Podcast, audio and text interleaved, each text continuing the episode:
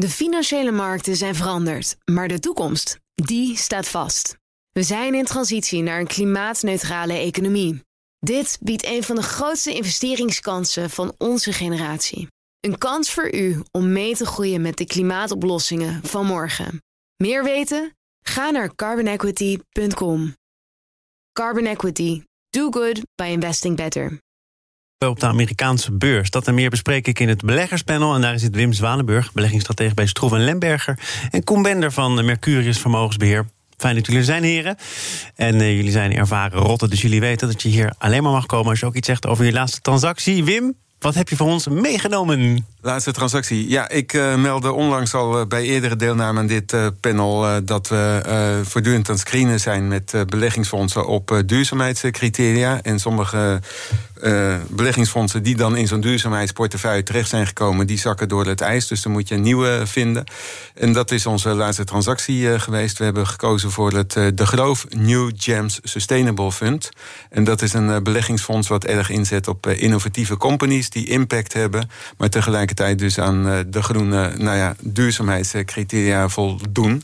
En uh, daarbij gescreend door externe organisaties. Maar uh, wij hebben ook uh, goed door de portefeuille heen gekeken. Dit kan echt niet meer door het ijs heen zakken. Het ijs is inmiddels nou, centimeters ze hebben, dik. ze hebben niet alleen voldoende sterren vanwege de goede performance... maar ook voldoende globes van een ratinginstituut. Dat heet Sustainalytics, wat onder Morningstar valt tegenwoordig. En dat is een soort keurmerk aan het worden. Maar het ontslaat ons trouwens niet van de verplichting... om, om zelf naar zo'n portefeuille te kijken. Je haalt er ook een externe scheidsrechter bij.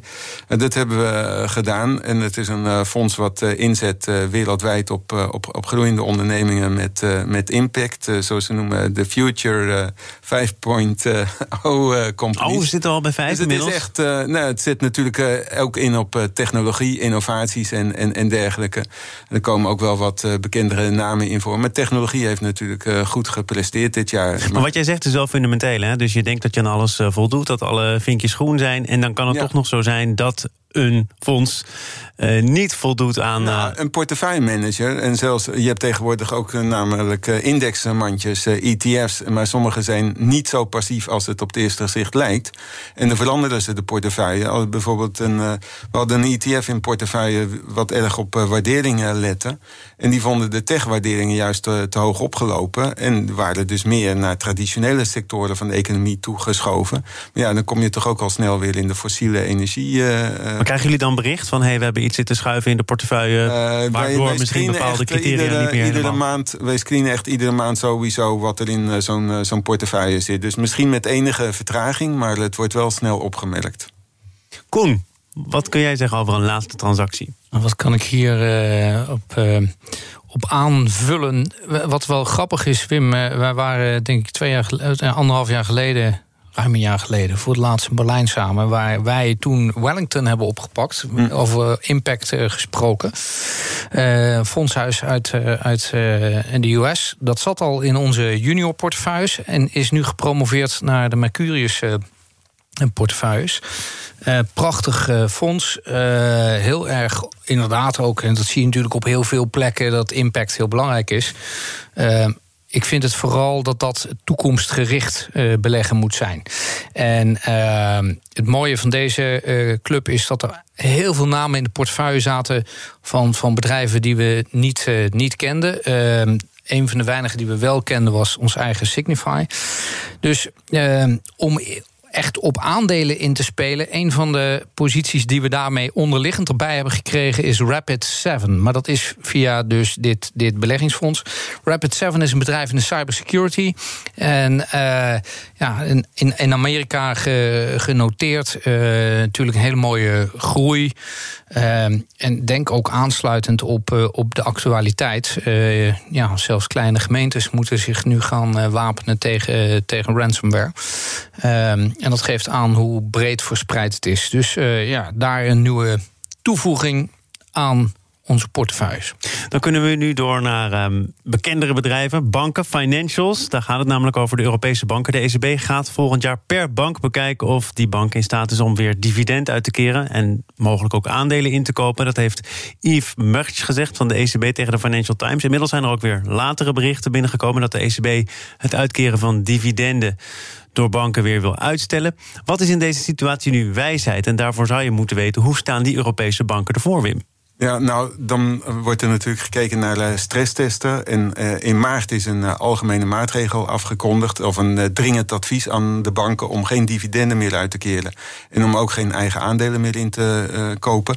En dat was zeg maar erop gericht om de banken van voldoende kapitaal te laten voorzien. Om ze voldoende hoge buffers te laten aanhouden. Zodat ze zeg maar voor de COVID-19, de coronacrisis, voldoende gewapend waren. Want men was er van overtuigd uh, dat er nog een eh, golf van faillissementen zou volgen. Nou, die is uh, deels dus wel uitgebleven, of uitgesteld in ieder geval. En de banken hebben toch wel redelijk goed gedraaid onder, ondertussen, een aantal. Maar het aantal slechte leningen loopt volgens mij wel zachtjes aan op dat loopt wel zachtjes. En dat, uh, dat weerhoudt de ECB er dan uh, toe. Bovendien, als je gaat zeggen case by case, hè, dan sta je voor het dilemma dat je duidelijk de goede en de kwade banken gaat onderscheiden. En de toezichthouder die heeft zeg maar de taak om het financiële systeem als geheel gezond te houden. En in ieder geval te voorkomen dat er een bankrun op, uh, op wat zwakkere banken gaat ontstaan. Dus daar zijn toch wel de nodige dilemma's voor de, voor de beleidsmakers. Aan de andere kant, uh, ja, de aandelen hebben een forse tik opgelopen... omdat ze geen dividend meer mochten uitbetalen. En je wilt toch ook de vertrouwensrelatie met beleggers weer herstellen. Dus de, ja, enerzijds, wel, anderzijds, enerzijds, wat, is jouw, wat is jouw persoonlijke opvatting? Uh, nou, dat het bij sommige banken wel, uh, wel zou, uh, zou kunnen, maar restrictief. Het, ja, maar dan zit je dus eigenlijk op de lijn van de ECB, waarvan jij zegt je moet kijken naar het systeem, naar het geheel. Ja. Nou, we moeten wel vaststellen, zeg maar, de banken zijn nu niet het probleem in deze crisis. Dat was wel natuurlijk met de Global Financial Crisis in 2008, 2009 het geval. Nu niet.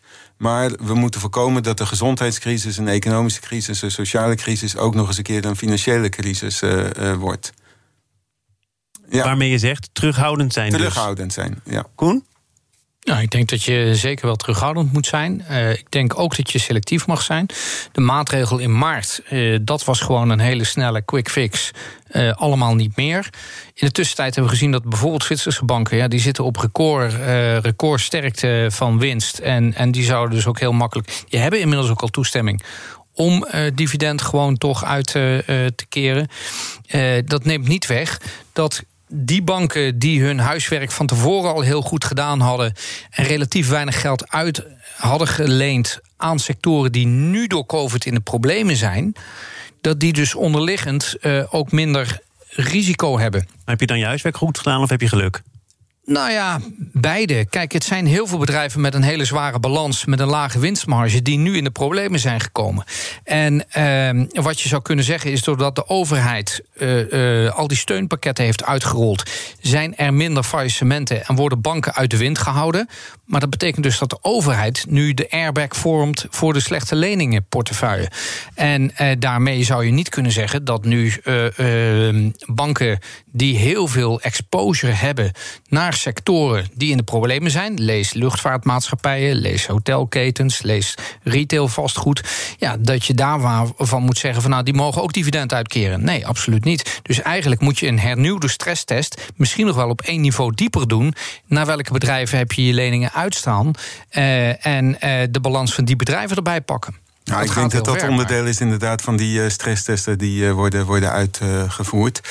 Uh, ja, er, er, is wel een eh, groot verschil met de vorige crisis. De kapitaalratio's die waren stukken beter bij de, bij de banken. Ja, Basel 1 tot en met, uh, hoeveel hebben we inmiddels?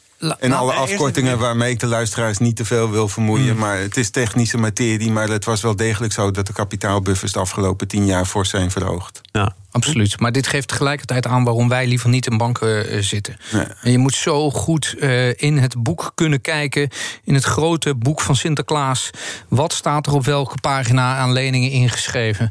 En, en van de onderliggende bedrijven. Ja, dat, dat Nou, is, er is wel gewoon een hoop transparantie. Ik, ik heb een andere reden waarom ik niet zo eh, favoriet ben eh, om in eh, banken te beleggen. Dat is toch gewoon omdat het eh, matige groeiers zijn. En binnen de financiële sector eh, zijn ook alternatieven als bijvoorbeeld de data providers. Daar komen we straks nog over te spreken. Of bijvoorbeeld de fintech eh, companies. En Ja, wat is daar gebeurd? Na, naar aanleiding van de reorganisatie bij, creditcard companies. bij ABN. AMRO eh, ontstonden er allemaal analyses over hoe het toch kan dat eh, de banken, de voormalige alleenheersers, nu het collectief zo ingewikkeld eh, hebben en zo moeilijk hebben. Komt dat door die digitalisering? Komt dat eh, door het feit dat er meer spelers zijn? Dat ze hun alleenrecht op hypotheken bijvoorbeeld kwijt zijn geraakt? Ik kwam een andere verklaring tegen van de topman van ING. Die zei als mensen niet meer langskomen bij een filiaal, dan zijn ze ook minder geneigd om extra producten en diensten af te nemen. waarmee je misschien als bank je eigen glazen ingooit als je zegt wij investeren niet meer in filialen.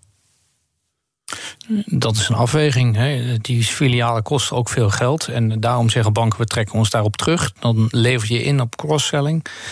Eh, ja, de vraag is ook, gaat de, de millennial überhaupt nog in een bankkantoor komen? Dat, eh, dus ja, er zijn heel Ja, veel goede... kantoor dat niet meer is, sowieso niet.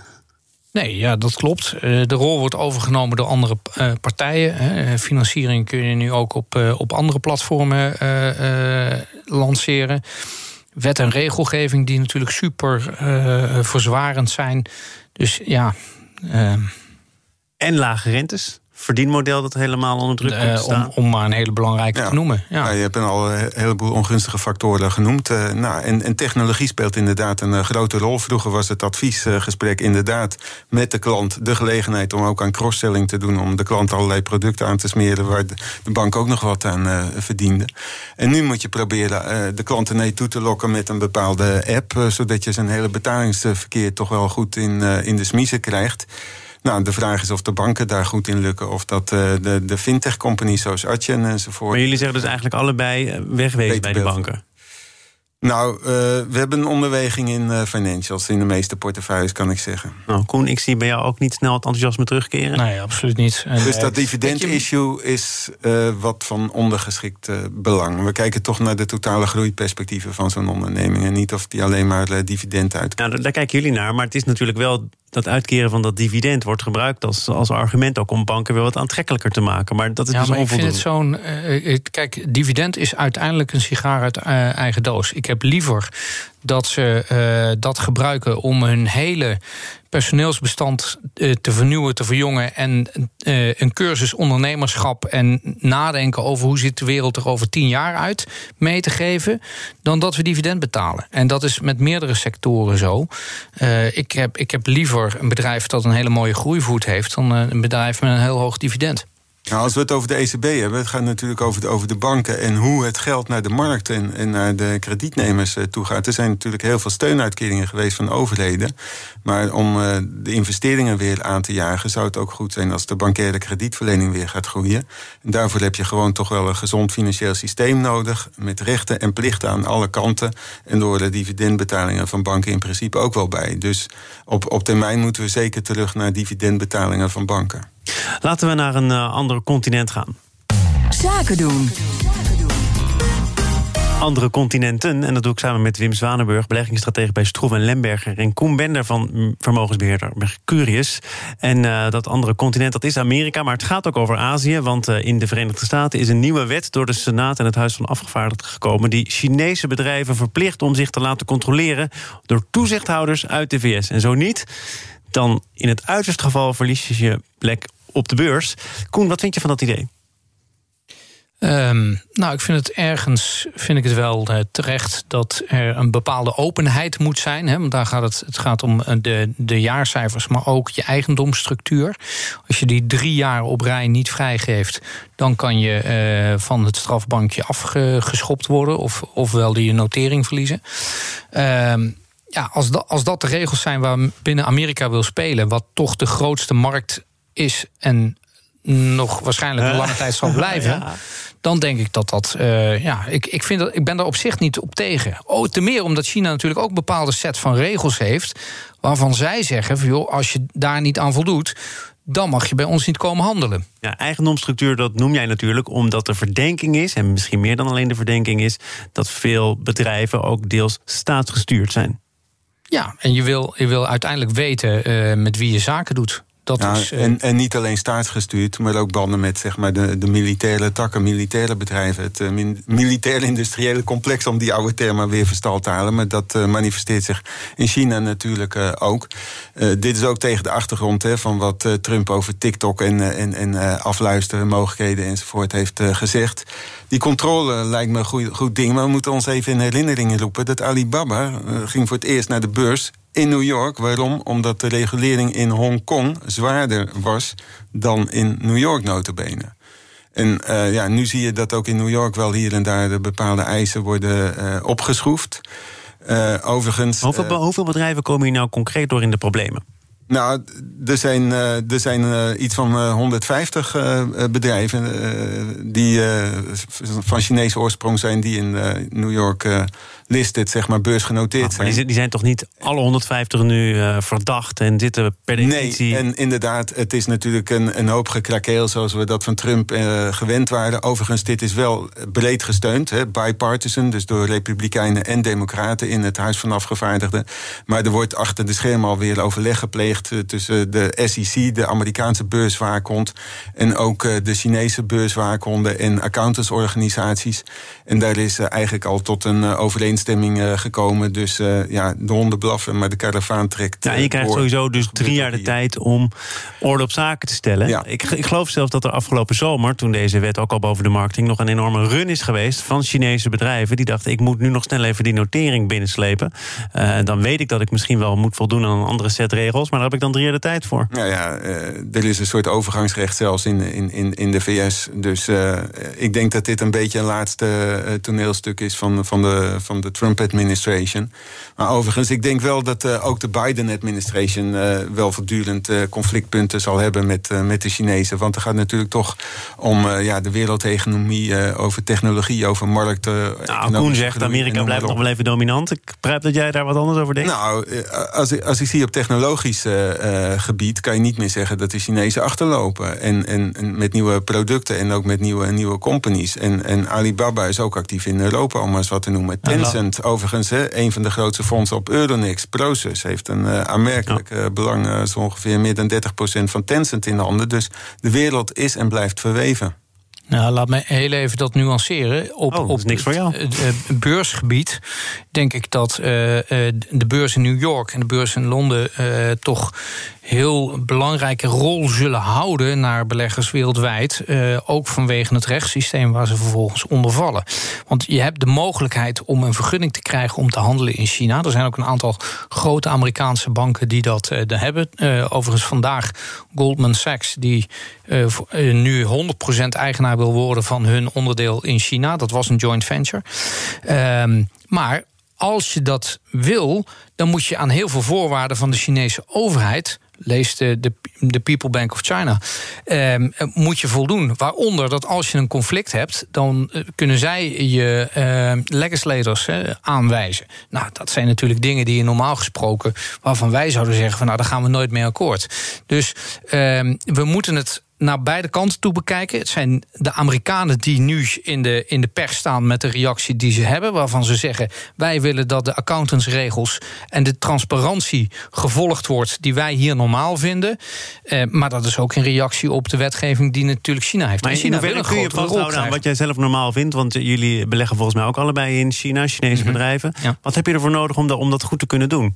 En om, om, om zicht te houden op waar je nou precies in belegt? Nou, nou, ik heb je eerder in deze uitzending zei ik al van uh, we beleggen soms via beleggingsfondsen, soms ook uh, direct in, uh, in, in aandelen. In Azië doen we het voornamelijk toch wel via beleggingsfondsen en, en ETF's. Maar kijken we altijd wat er in de portefeuille zit. En we volgen ook de directe financiële berichtgeving van, ja, laat ik zeggen, de, de grote technologiereuzen en de Alibaba's en de Tencents en de Baidu's enzovoort. die, die namen rollen regelmatig over het scherm. En dan kijken we ook naar de, nou ja, de, de financiële prestaties, de kwartaalresultaten en dergelijke.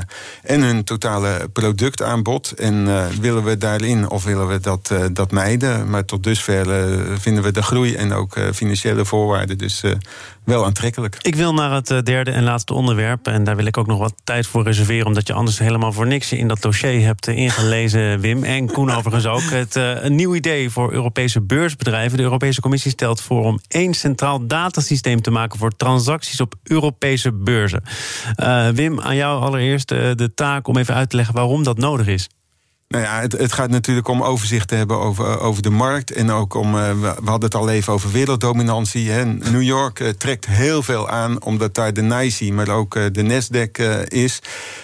in Europa zijn alle financiële markten erg gefragmenteerd. En men wil toch meedoen. En die beurzen die groeien sterk. Niet alleen vanwege de handelsvolumes, maar ook de data die ze verwerken. En het zijn eigenlijk ook commerciële ondernemingen. nou, gaan die hun eigen weg of kan de toezichthouder want van wie, van wie zijn die data op dit moment? Uh, dat, is, uh, dat is wisselend. Dat kan zijn van uh, nieuws, zeg maar, providers, Bloomberg en Reuters. Maar het, als het gaat over handelsdata, dan is het toch wel de, de beursorganisatie, de London Stock Exchange of bijvoorbeeld Euronext. Die, die kan daar, Koen, denk ik, geld voor vragen. Mocht je die data nodig hebben, of voor bijvoorbeeld een beslissing of meer inzicht willen. Dat, dat doen ze ook al in, in, in veel gevallen. Daar gaat het nu voor, voor een belangrijk deel om. Dat ze zeggen van nou, in Amerika is de situatie al zo dat uh, al die data voor iedereen beschikbaar is. Daarmee kan je ook controleren of jouw orders op de juiste prijs zijn uitgevoerd. De beste prijs die op dat moment beschikbaar was. Want daar gaat het uiteindelijk voor de particuliere belegger om. Uh, en in Europa is die transparantie er nog niet.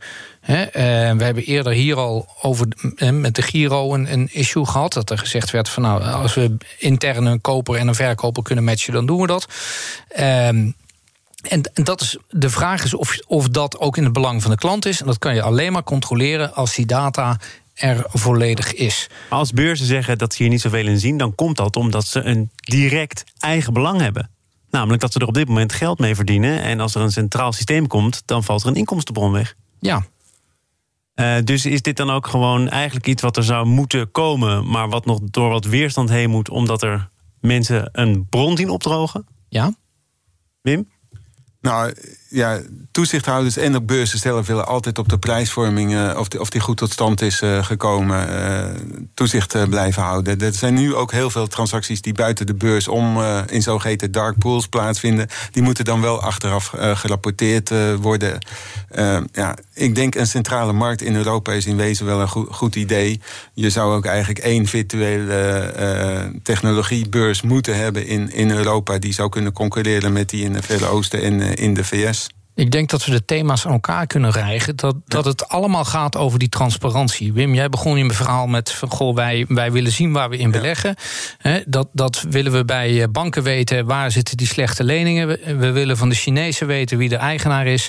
En we willen van de trades weten door wie ze gedaan zijn. En op die manier eh, kom je terug bij een punt wat we, wij als, als vermogensbeheerders in maart ook weer van de toezichthouder opgelegd hebben gekregen. Wij moeten exact laten weten aan onze relaties hoe we met bepaalde issues omgaan. En zo gaan we steeds verder. En het is logisch dat je dus ook zegt: van nou, je wil, je wil uiteindelijk die hele trade in kaart hebben.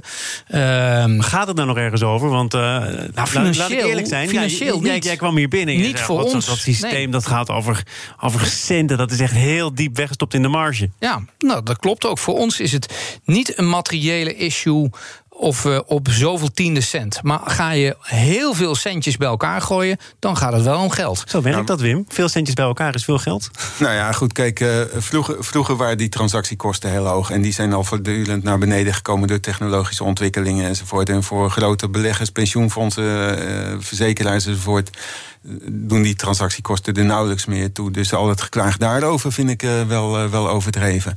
Maar uh, toezichthouders en beurzen en de greep op data houden, inzicht hebben wie handelt, tegen welke prijs, dat is een goed, goed, goede zaak. Wim Zwanenburg was hier voor alle goede zaken. Beleggingsstratege bij Stroeven en Lemberger. Koen Bender van Mercurius Vermogensbeheer. Dank voor jullie komst.